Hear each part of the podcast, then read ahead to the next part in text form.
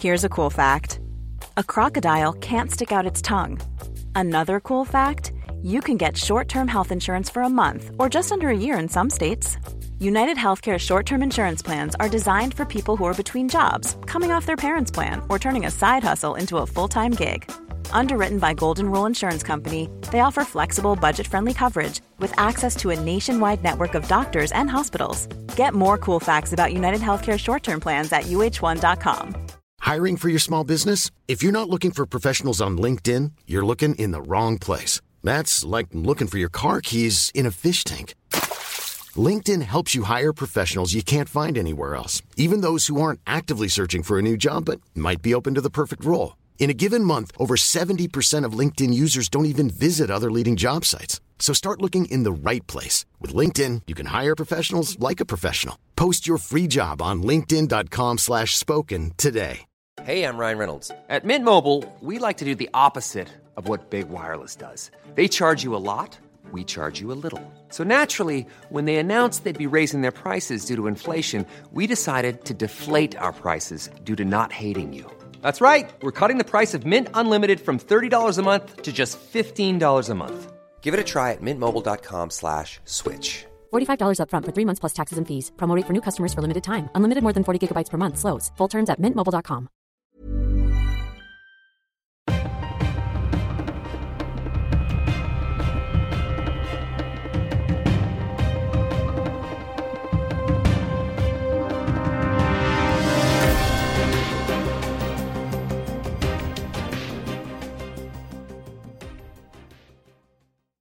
Så, då säger vi än en gång hej och mycket varmt välkomna till ett nytt avsnitt av dagens Juridikpodden. Som vanligt med mig William Eriksson och dig Stefan Wahlberg. Men idag också med en gäst och det är inte vem som helst. Det är nämligen advokaten Dag Wetterberg. Du är varmt välkommen. Tack så mycket. Hur mår du idag? Jag mår bra idag. Det är ju faktiskt den första riktiga sommardagen idag. Ja. 25 grader, man blir varm. Eh, Det är bra. Ja, härligt att ha dig här. Vi brukar börja med en kort beskrivning av eh, våra gäster som kommer till oss här i podden. Kan du inte berätta lite om vem dig själv, om dig själv? Vem är du och vad har du för bakgrund och så vidare? Alltså vi får ju börja då långt tillbaks i Uppsala där jag föddes. Men jag växte upp i Bromma och eh, efter gymnasie och militärtjänst så åkte jag till USA, till UCLA och skulle då, eh, som jag hade tänkt i varje fall, hålla på med affärer och bli businessman. Och sen så var det precis i den där eh, tiden, 85 till 86, det här säger ju något om min ålder också, eh, som det var LA Law. Och LA Law var väldigt, jag tyckte det var spännande. Och dessutom när jag gick på UCLA så var liksom, eh, law var det som var lite coolt. Så jag började sitta på deras bibliotek, det fick jag väl egentligen inte. Och liksom började intressera mig för juridik. Och även om jag tyckte ekonomi var ganska kul så tyckte jag att det verkade mer spännande med juridik. Och när jag kom tillbaka till Sverige efter det här året så började jag så, eh, då läsa i Uppsala, juridik. Och eh, det var ju liksom av en ganska stor besvikelse då kan jag säga. För jag hade ju sett LA Law framför mig och, och jag hade haft lärare på UCLA som var Nobelpristagare. Alltså folk applåderade efter föreläsningarna. I, i Uppsala så stod det då eh, ofta herrar med, en, eh, eh, med, med gulnade papper som de liksom läste rakt ifrån. Så jag var, jag var nästan i chock. Alltså. Jag tänkte så här, är det här jag ska hålla på med? Så jag hade några år där i Uppsala, jag var tre år i Uppsala ungefär, där jag kände att mm, jag vet inte, jag var på väg att hoppa av några gånger. Men det som hände var att när jag skulle inrikta mig då så, så blev det så att jag åkte ner från Uppsala till, till Stockholm och träffade Ulf Bernitz och Jan Rosén. Och de, de var jäkligt sköna, de var schyssta, de var trevliga. Och Ulf satte ihop en specialkurs för mig på fem poäng. Eh, men liksom, jag har läst den här litteraturen och sen så kan du komma hem till mig och tenta när du är klar med det där. Det här låter ju som att det är 30-tal, men det, det här är faktiskt eh, tidigt 90-tal. Och jag åker ut till Ulf när han bodde på Drottningholm eh, och vi sätter oss i hans berså, det här var en junidag, snackar med varandra, ungefär som vi kommer att prata här idag. Hade jättetrevligt och sen så när vi var klara sa han, ja men det här kunde ju kandidaten riktigt bra och så fick jag ett AB. Och det var ju för mig en revelation för då var det så här, ja men det här är ju kul, det här är ju roligt, det här är något jag vill hålla på med. Och då blev det liksom, ja men det här ska jag, det här är det jag ska hålla på med. Så Ulf Bernitz är inte någon som direkt läser till ur gula papper när han ska ha sina studenter? Inte direkt, och han, han, är, han är rolig. Den, nu finns han ju tyvärr inte Nej. bland oss längre. Men han var ju en inspirationskälla som hette duga. Och sen så blev det att han introducerade mig till Jan, Jan Rosén, professor. Och så vi kickade off och så skrev jag uppsats för honom. Samma sak där, vi, vi blev liksom vänner i, i princip. Och han tog in mig i upphovsrättsliga föreningen. Och så, så det var liksom min väg in i, i materialrättsjuridiken. Och eh, det får jag tacka dem för. I Uppsala fanns det ingen eh, IP som det hette på den tiden. Utan det var, det var Stockholm. Och nu sitter du här, nyligen eh, uppdaterat din bok till en ny version. Medierätt heter den. Du har specialiserat dig på det här området, men säger du själv. Medierätt låter som ett ganska brett rättsområde. Vad, vad innefattar medierätten? Ja, det är det ju faktiskt också. Eh, alltså kärnämnena skulle jag säga det är yttrandefriheten och upphovsrätten egentligen. Eh, det, det, är liksom kärnan i medierätten. Men sen så är det ju faktiskt så att integritetsfrågorna kommer in Eh, alltså GDPR finns med där. Även annan integritetslagstiftning. Vad får man skriva och vad får man inte skriva vilka, om individer. Eh, lag och namn och bild i reklam eh, och, och, så vidare. Och sen så finns det då vissa marknadsrättsliga eh, frågor som faktiskt relaterar till medierätten. Men kärnan är ändå yttrandefriheten och upphovsrätten skulle jag säga. Och kan man eh, liksom leva på att arbeta som advokat med bara medierätt? Så vad, är det det enda du ägnar dig åt eller gör du annat också? Eller? Alltså det, det, det som hände 2018 var ju att jag hade turen att tajma med en bok som eh, heter GDPR, förstå och tillämpa i praktiken. Den kom ut eh, precis innan då implementeringen av, av lagen och den det var en skjuts som hette duga för min lilla verksamhet och fick jättemycket jobb. Så det är ju ett ben för min verksamhet, eh, absolut. Men sen så har jag, eh, ja jag hjälper ju, så att säga, det är väl kanske ingen hemlighet, förlagsvärlden ganska mycket och eh, enskilda framgångsrika upphovsmän eh, och, och, och, ganska många som, då, som, som har eh, frågor kring de här medierättsliga frågorna. Eh, när du säger att du hjälper upphovsmän och förlagsverksamheten och sådär, är det mycket klassisk, i klassisk advokatmässig mening juridisk rådgivning i samband med eller inför affärer och avtal som ska upprättas eller är det, handlar det om konfliktlösning och till och med processande när tvister väl har uppkommit? Hur fördelar sig en, en, en advokats eh, arbetsbörda i den här specialiteten? Ja, men det, det, är en jättebra fråga. Jag, jag var ju faktiskt eh, tio år inom eh, Bonnierkoncernen som, som jurist. Och när jag var liten då så drömde jag om att, att bli brandman faktiskt. Eh, det blev inte så. Eh, men där lärde jag mig att släcka bränder. Det vill säga vi gjorde upp tvister. Vi, vi, vi löste tvister och det, det, det kan man väl säga att jag kanske har löst hundratals tvister genom åren. Det är lite av min grej, att jag hellre faktiskt förliks. Så ofta, vilket är, är bra, kommer jag in ganska tidigt och, och, och vi, vi löser helt enkelt tvister. Men eh, jag kanske har en tvist nu mer vartannat år. Jag hade en tvist förra året, det är ingen hemlighet med Mondial versus Natur och kultur som var ganska uppmärksammad. Eh, som vi slutligen då förlikte i sedvanlig ordning.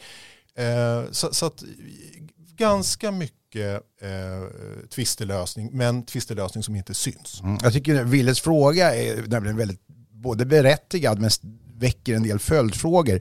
Kan man leva på att vara advokat inom, ett, inom det här området? Och mot bakgrund av att vi då just har kommit med en bok som behandlar ämnet på ett, på ett bra och, och, och konkret sätt och med tanke på inte minst den värld vi lever i där i princip allting idag synes vara kommunikation, media eh, som flyter förhållande till varför när du och jag var unga ganska rejält över både landsgränser och, och, och på alla andra sätt via den digitaliserade värld som vi lever i.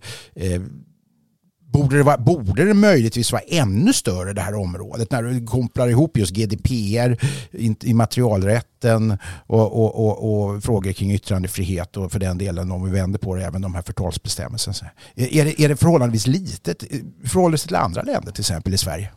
Ja, men det, är en, det, är en, det är en otroligt uh, väsentlig fråga. Och, och, det där tror jag beror lite på, nu ville jag ju bli affärsman faktiskt och, och började plugga ekonomi och sådär.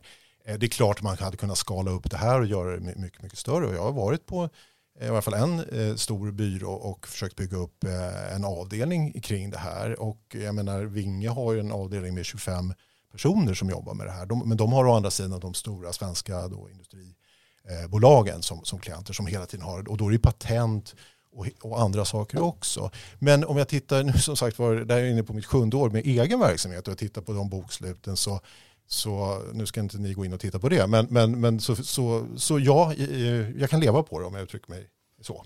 Ja, men borde, eller är det konstigt att inte området är större som rättsområdet? Om man nu ska försöka förhålla sig objektivt i den här frågeställningen. Ja, absolut, ja, men det, det, det, är klart. Skulle man vara jätteskicklig affärsman och, och väldigt fokuserad på det här och se till att man liksom byggde upp och hade många duktiga biträdande jurister och så och, och lägger en, en manken till och, och, och skapar en större eh, Eh, en större avdelning för det här. Så, så, så, så den, den största jag vet i Sverige som nog säger att de kan leva på det här, det skulle jag säga, det är nog Vinge som har 25 25 individer som, som bara jobbar med, med IP. Så, så ja, det finns. Men de gör det liksom industriellt kan man säga. Mm. Inom, inom alla IP-områden. Då, då har du patent och varumärken också. Och då finns det definitivt mycket att göra. Men om du bara smalar ur upphovsrätten Eh, Eh, så, så är det klart att det är lite mindre. Och det är ofta knutet till kultursektorn som kanske inte alltid är lika villig att ha samma möjligheter att eh, betala arvoden. Du var själv inne på yttrandefrihet tidigare och det, det är ju liksom kanske det mest omdiskuterade ämnet när vi pratar medierätt.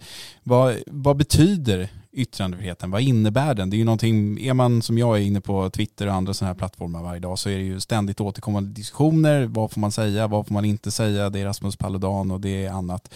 Vad betyder yttrandefrihet i Sverige idag? Alltså, yttrandefrihet i Sverige är ju någonting ganska unikt eftersom vi faktiskt i förrgår blev vår tryckfrihetsförordning blev ju faktiskt den, den, den blev ett, ett så kallat ett minne. Eh, Eh, ett världsminne. Inte, inte ett minne blott. inte ett minne blott, utan faktiskt ett världsminne. Vilket är ganska häftigt.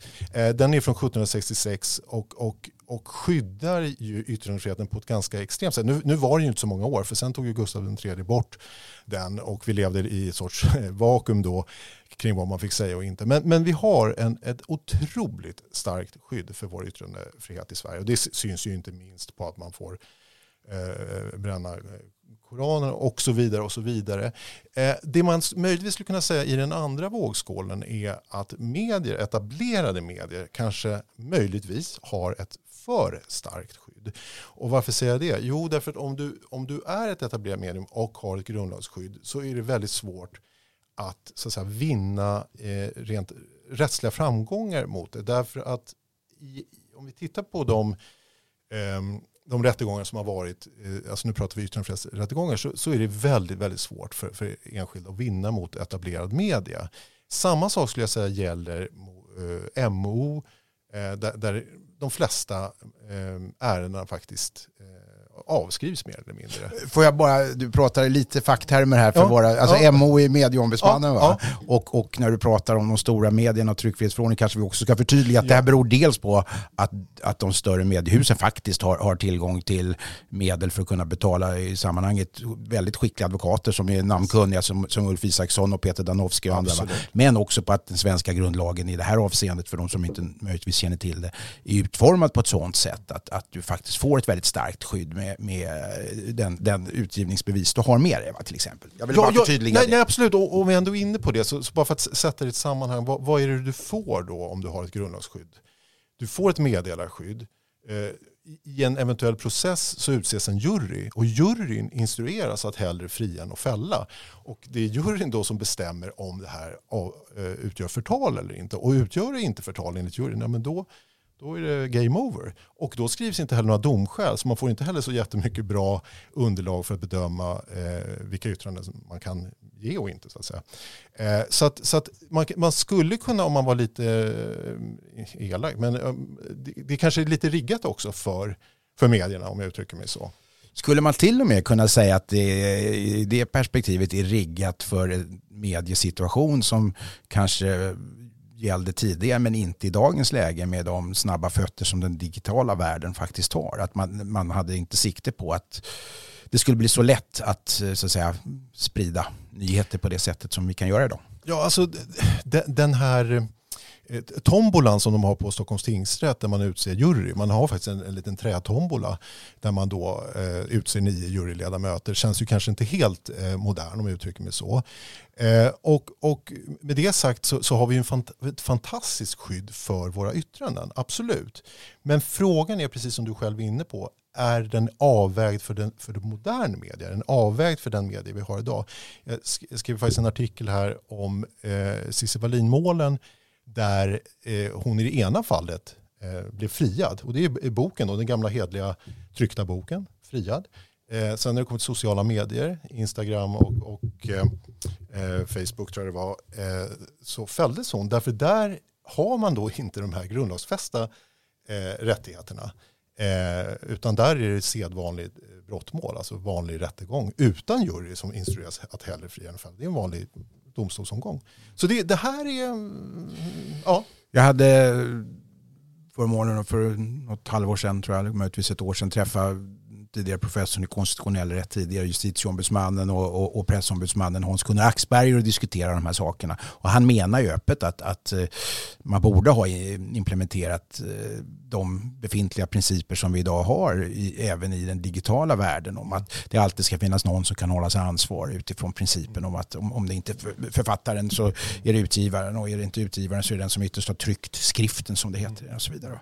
Ja, men det är intressant och, och om vi tar Netflix till exempel så kan ju de om de vill eh, söka ett utgivningsbevis och alltså få en, en grundlagsfäst eh, yttrandefrihet implementerad i, i, i, sina sändningar. Men det har man då valt att inte ha. Så det gäller ju Facebook och Instagram också. De kan ju skaffa sig det. Eh, men det har man då som sagt av någon anledning säkert eh, analyserat eh, att, att man inte vill ha. Men den stora frågan som jag tror många ställer sig när det gäller yttrandefrihet det är ju gränsdragningarna. Går det att säga någonting om var, var, var gränserna går när det kommer till yttrandefrihet? Mm. Eller är det flytande gränser hela tiden eller finns det en rät linje här att utgå ifrån? Alltså, gränserna är faktiskt inte så flytande som man kanske tror. Eh, alltså, själva förtalsbrottet är ju andras missaktning och, och det, ska vara, det ska vara en allvarlig uppgift. Det kan man ju fråga sig vad en allvarlig uppgift är. Är det eh, allmänintresse så kan man ändå få, få meddela. Om det är till exempel en politiker som har gjort eh, något eller tagit pengar ur någon kassa någonstans så finns det ett allmänintresse. Sen slutligen då i den här bedömningen man gör så ska det dessutom vara en sann uppgift. Det ska, vara, det ska vara, gå att bekräfta.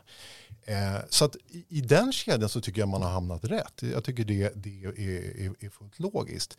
Eh, men sen är det ju snarare systemet som gör att vi inte får en, en, en, en rättspraxis och, och, mer rättsfall. Därför att det är så svårt eh, om du har blivit förtalad att, att, driva målen. Så jag tror snarare att det är det som gör att man, att man in, inte får den här praxisen som vi kanske skulle vilja ha. Att bedöma vad förtal är, är ty, tycker jag personligen, nu jobbar jag ju mycket med det och läser ganska mycket, till exempel jag läser ganska många böcker för att se om det förekommer förtal och så, så ger jag rådgivning då.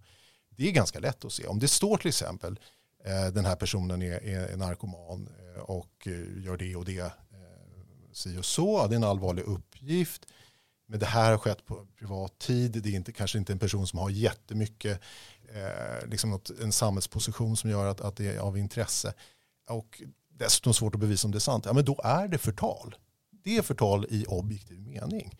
Så att, att bedöma vad som är förtal eller inte tycker i varje fall jag personligen inte är speciellt svårt. Med din erfarenhet då, det, det har blivit ganska populärt de senaste åren att skriva eh, dagböcker eller memoarer och liknande. Upplever du ofta när du läser dem att det kan ha något tveksamt förtal som slinker igenom en första granskning och sådär? Jag, jag fick ju den stora äran att läsa eh, Noréns dagböcker, 1700 sidor var en bok på jag var på Bonnier, det var, det var ju fantastiskt. Alltså att få göra det på sin arbetstid var ju helt makalöst. Och då var det en sak han skrev där om en kritiker som han tyckte illa om, att hon var som en hund med läppstift. Eh, och, och, då kan man ju säga så här, är det, är det förtal? Ja, jag vet inte. Utan när det kommer till värdeomdömen, omdömen om en person, den personen är, är en hund med läppstift eller den personen är inte jobbig person eller man, man, man säger något illa om den. Det är så kallade värdeomdömen. Och det är, eh, är inte förtal, det får man. Hade man sagt pedofil istället till exempel? Ja, pedofil, allvarlig uppgift, eh, eh allmänintresse, det vill säga det är en person som jobbar mot barnpornografi. eh, har, har, har en ställning i samhället som, som, som, eh, som indikerar att, att, att eh, det, det finns ett allmänintresse och slutligen att det är sant, ja, men då, då är det förtal. Du, det sades ju, nu är det här 15 år sedan tror jag Lars Norén dagböcker hamnade mm. i ett i etern, på att säga, i den heta debatten. Om inte jag minns fel, du får gärna rätta mig här om jag har fel. Han påstod, nu inte Lars Norén heller i livet Nej. längre tyvärr, men han påstod ju då, inte på någon anklagelseaktig mot dig, men han sa ju att du hade strukit åtminstone, om inte jag minns fel, 150 sidor. Han skrev faktiskt 400 sidor. 400 sidor till och med. Och du sa då i något sammanhang när jag träffade dig att det, just det är nog inte sant. Däremot har jag varit inne och rekommenderat att vissa uppgifter på kanske så många sidor har tagits bort ja. eller någonting i det sammanhanget. Ja, Berätta. Det, det, är kul kul, det är kul att du tar upp det, därför att, för att jag har aldrig strykt ett ord i en bok någonsin i hela mitt liv. Vad man gör som, som rådgivare, då skulle man ju vara censor, det vill säga att du, du, håller på med censur. Och det, det gör aldrig jag. Utan vad man säger så här, ja men det här skulle kunna utgöra förtal, du kanske kan skriva om det eller ta bort det eller och så vidare. Man lämnar en rekommendation. Men jag har aldrig strukit ett komma i någon annans bok. Nej, Fick jag det sagt? Det, ja, ja nej, men det var lite intressant för då var du chefsjurist inom Bonnierförlagen skulle jag säga. Ja, och, och, vilket ju då ändrat din roll till att bli advokat sen dess. Det här var länge sedan, men det är en intressant fråga. Nu är vi tillbaka, eller nu har vi varit inne på de traditionella böckerna som du nämnde tidigare, men, men kan man säga någonting om, om eh, liksom antalet förtal idag jämfört med tiden innan de här sociala medieplattformarna blev liksom allmängods? Tror du att det är fler förtal idag än vad det var tidigare? Jag, jag, jag, tror det, men utifrån exakt samma, samma juridiska modell. Man tittar på, det är en individ, det är en allvarlig uppgift, eh, det är inget allmänintresse och det kanske inte ens är sant.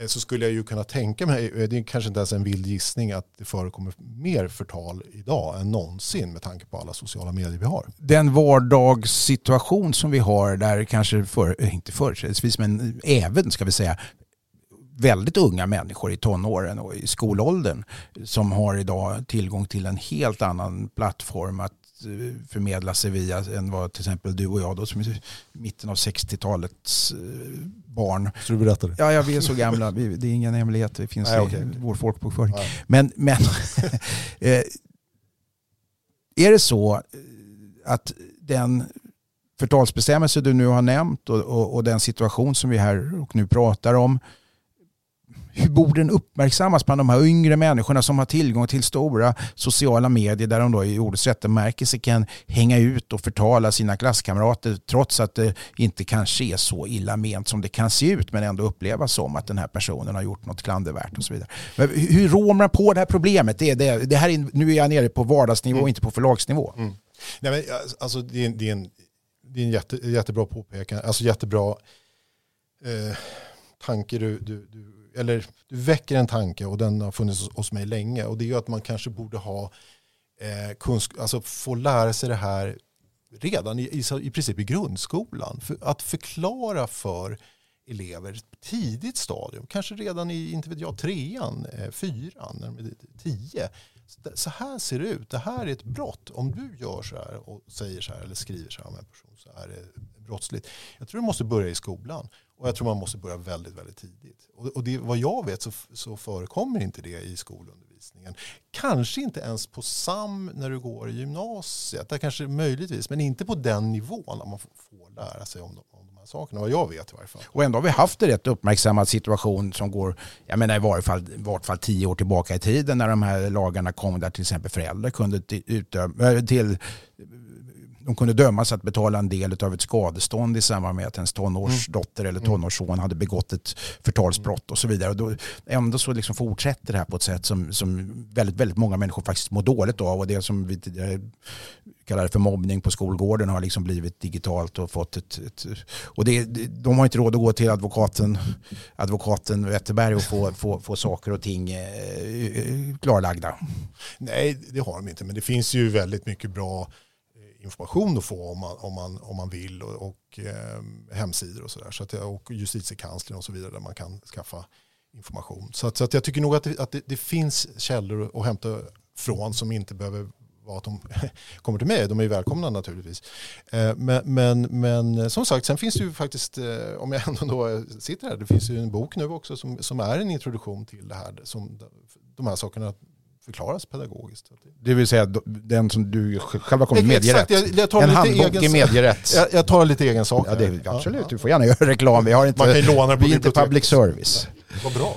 Om vi lämnar yttrandefriheten då Dag och, och går över till eh, det som i folkmun brukar kallas för upphovsrätt. Det är också någonting som jag antar har utvecklats med tiden. Det är ju ganska lätt idag med hjälp av eh, vilken AI-robot som helst eller bara genom kontroll C, kontroll V så kan, man ju, kan jag stjäla din gamla uppsats kanske om den finns digitaliserad och sen så kan jag lämna in den idag som en, som en uppsats på kandidatnivå. Om jag vill så finns det ju sätt att upptäcka det. Men, men, men det här med plagiat och, och liksom återanvändning av andras verk och sådär, kan du berätta lite om det? Mm.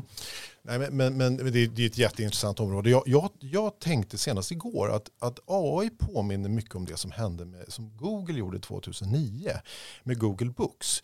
Eh, när de skannade, Harvard skannade varenda bok i, i, i världen i princip. Och bland annat har de faktiskt fullständig utgivning av svenska böcker. Så vi märkte då när, på, på Bonniertiden att men här det finns ju liksom ja, 500-600 böcker som, som fortfarande liksom, man hade rättigheterna till. Eh, så det var en eh, enormt stor sak. Man, man gjorde det i någon sorts, jag tror man tänkte in the greater good, alltså typiskt amerikanskt, här ska vi ha till forskning och det ska bara vara för forskning och så vidare. Men upphovsrätten har två grundparametrar när det kommer till ensamrätten. Det är exemplarframställningen, det är den fysiska, man, man, man tar ett exemplar, eller jag kopierar av en bok.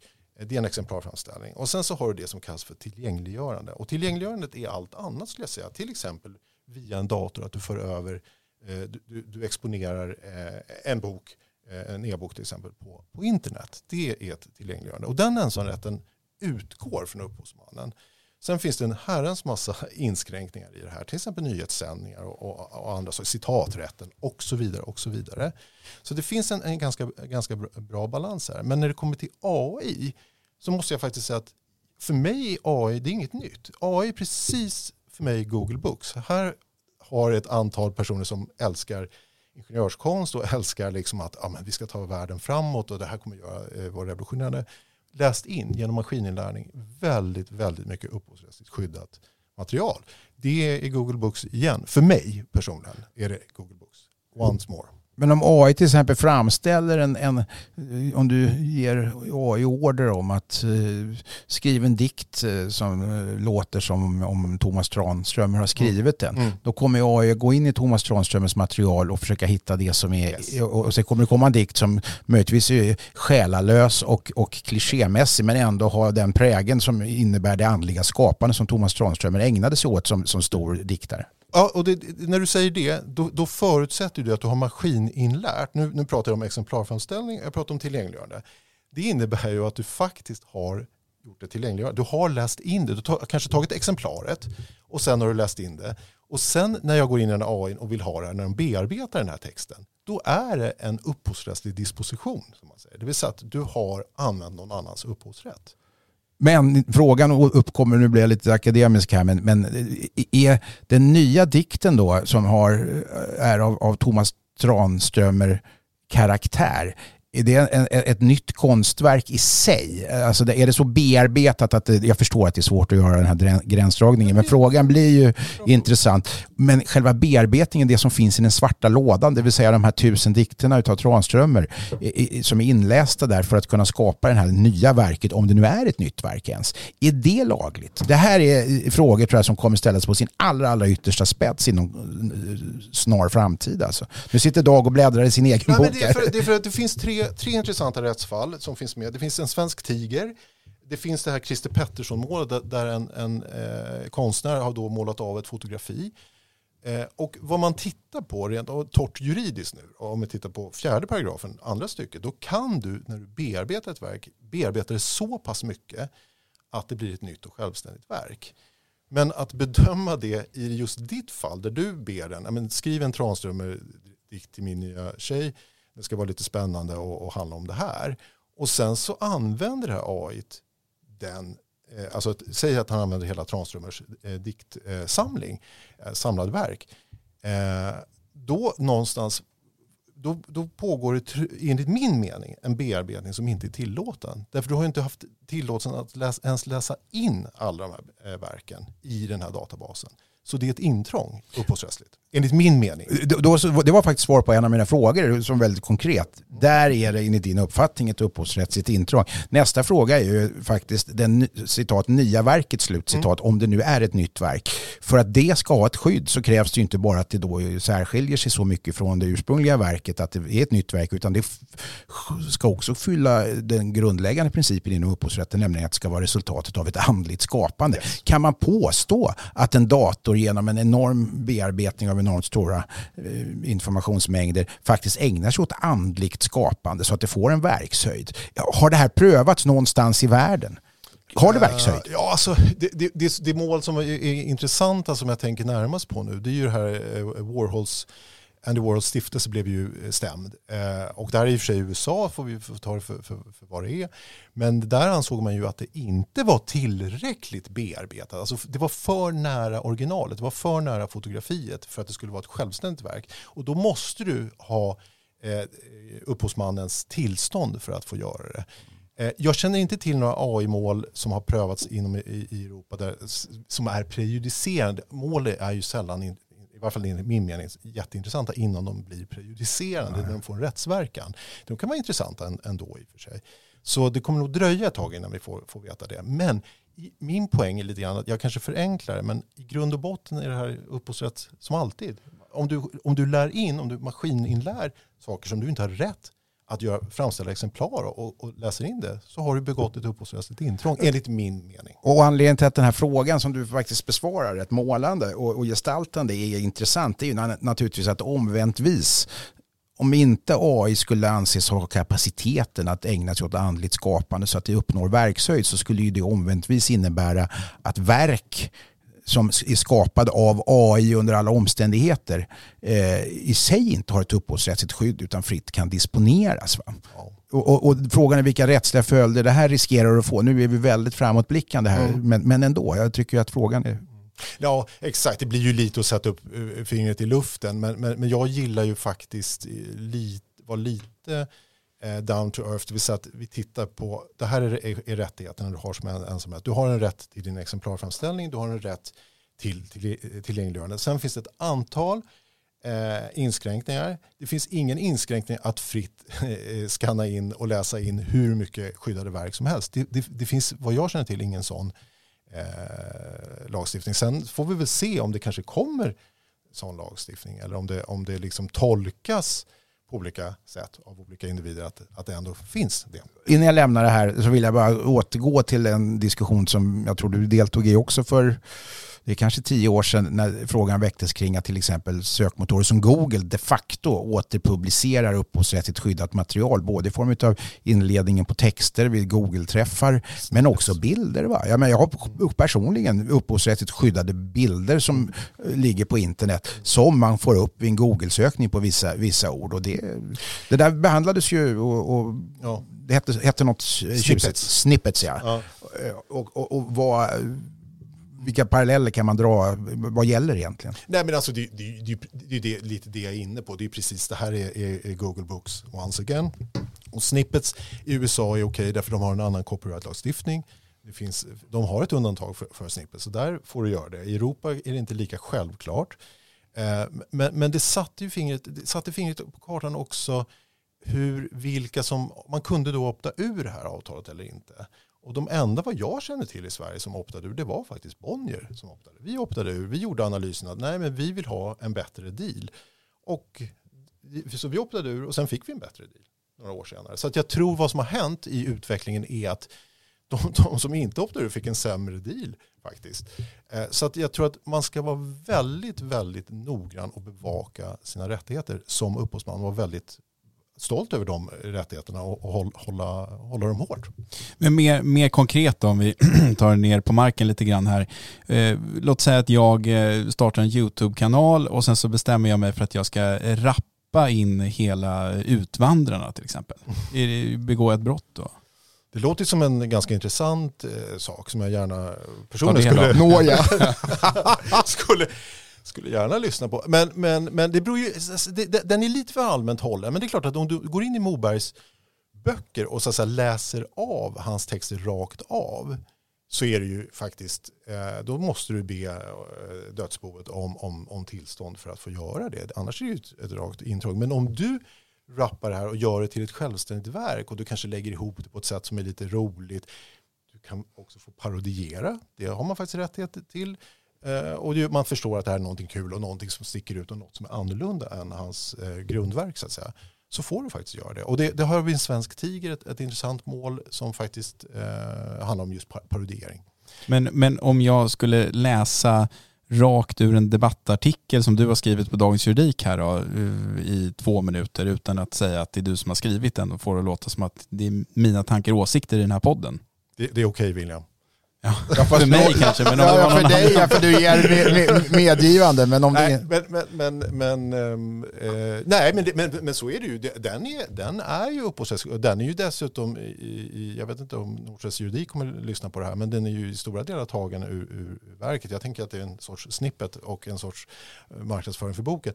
Uh, men, men, men det är ju min text och den är upp, upphovsrättsligt skyddad. Det, det är inte så höga krav för det här skapandet som det då står i i första paragrafen i upphovsrättslagen är inte jättehöga krav i, i sak faktiskt. Men om du gör det, så fråga mig innan. Jag lovar. Mm, du, eh, GDPR har du också nämnt här tidigare att du jobbar mycket med. Det är ju, GDPR är en bokstavskombination som många slänger sig med. Man pratar ofta om det i företagsvärlden att det är viktigt och man ska värna intressen och det är cookie consent som man får klicka hit och dit.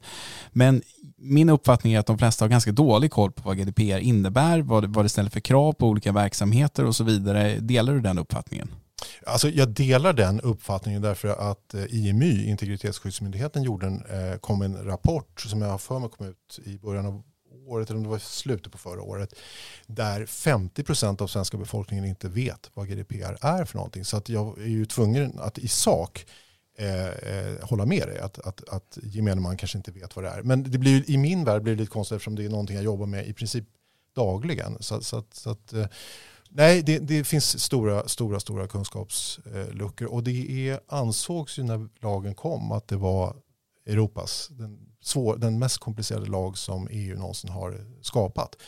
Och jag är nog benägen att hålla med för att om du ska implementera det här i ett företag eller en organisation på helt korrekt sätt så är det, skulle jag säga, i princip nästan, nästan omöjligt.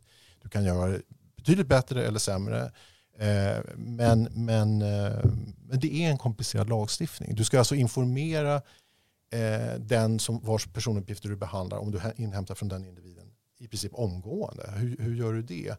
Ja, du får sätta liksom din integritetspolicy i en banner på din signatur i utgående mail. Det accepteras då av dataskyddsmyndigheterna och så vidare. och så vidare.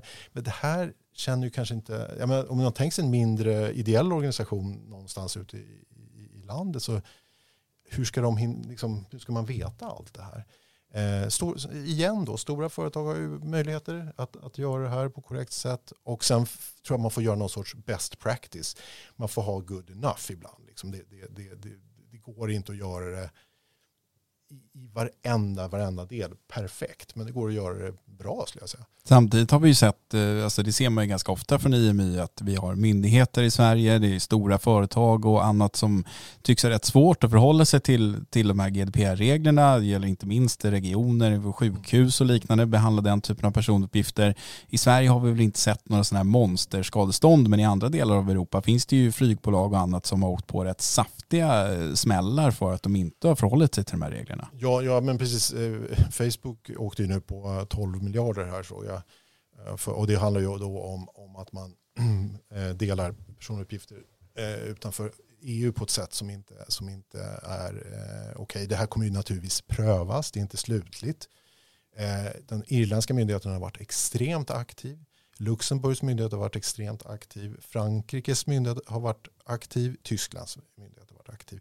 Den svenska myndigheten, skulle jag säga, integritetsskyddsmyndigheten, har varit aktiv men i sedvanlig svensk ordning så är jag också lite försiktig när det kommer till, till sanktioner.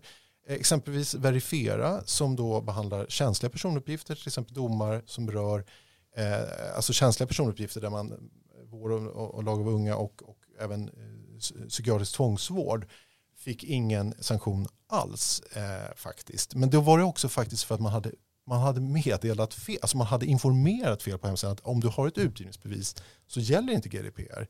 Medan nu finns det ju faktiskt en skrivning, jag tror det är 21 kapitlet, 7 paragrafen i, i YGL, eh, yttrandefrihetsgrundlagen, att, att det är faktiskt man får göra undantag från yttrandefriheten när det gäller känsliga personuppgifter.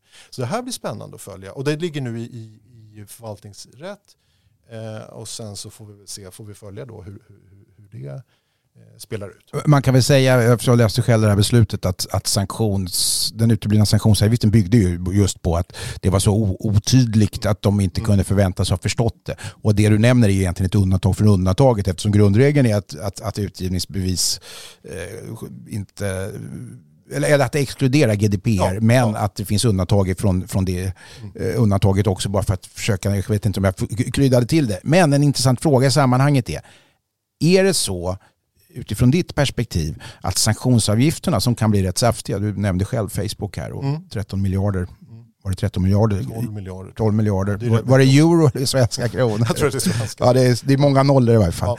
Ja. Eh, de kan bli höga och det kan det bli även i Sverige även om man är lite försiktigare här. Skadestånden blir inte i närheten så höga för den enskilde som faktiskt då i någon mening är offer för de här felaktiga datahanteringarna. Är det här någonting som varför ska staten få in sanktionsavgifter men inte den enskilde som är drabbad? Det, men nu, nu är vi tillbaka igen. Nu är vi tillbaka vid yttrandefrihets... Varför drivs det inte fler yttrandefrihetsmål av enskilda individer? Det här är, precis, det här är min analys i varje fall. För jag har inte sett speciellt många eh, mål där man driver enskilda anspråk på grund av att GDPR, eh, alltså man har felaktigt behandlat personuppgifter. Men det är för att du måste då driva det till, i och för sig som ett småmål om, du, om det är under 18 000. Ja, ett halvt ja, ja, precis.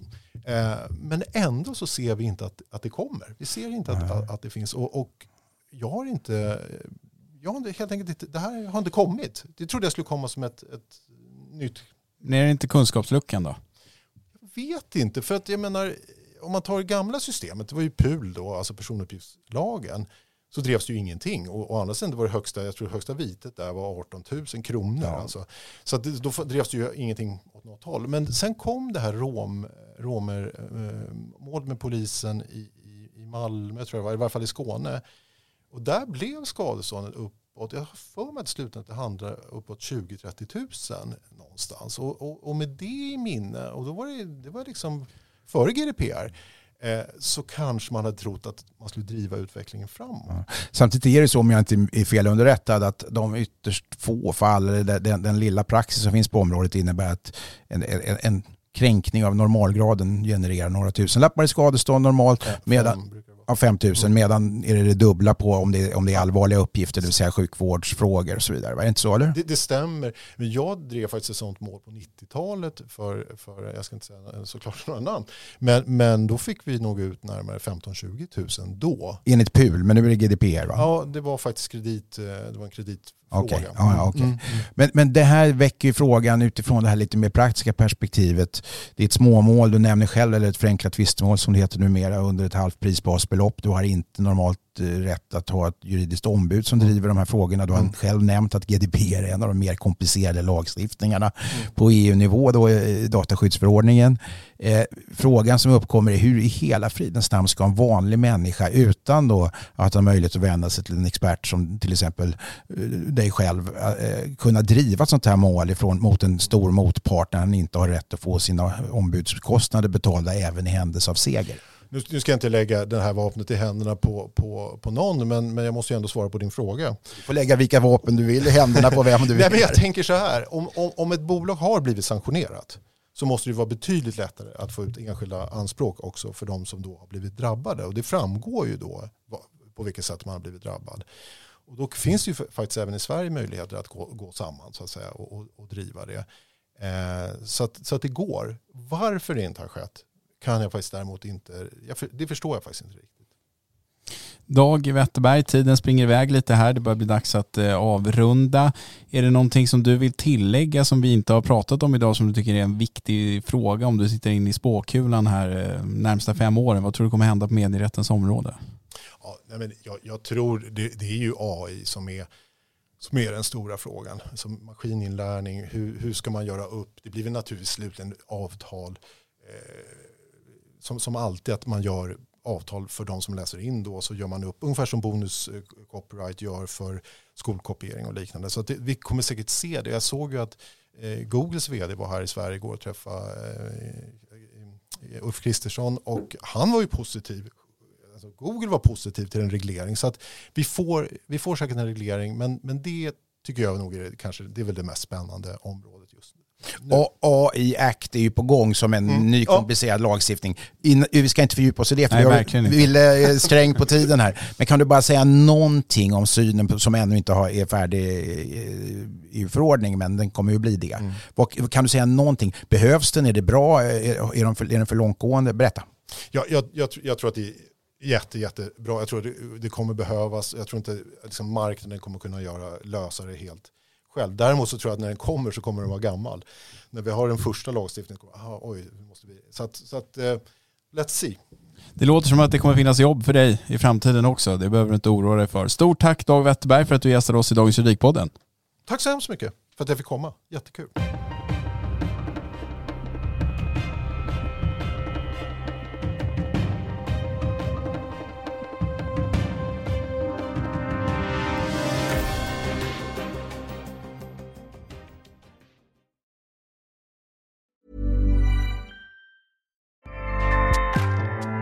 ACAST powers the world's best podcasts. Here's a show that we recommend.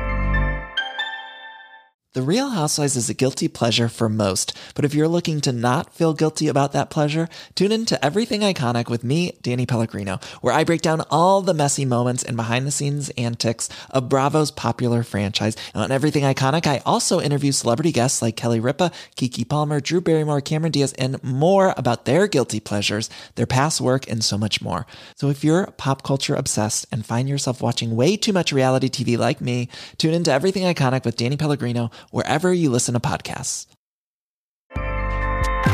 ACAST helps creators launch, grow, and monetize their podcasts everywhere. ACAST.com.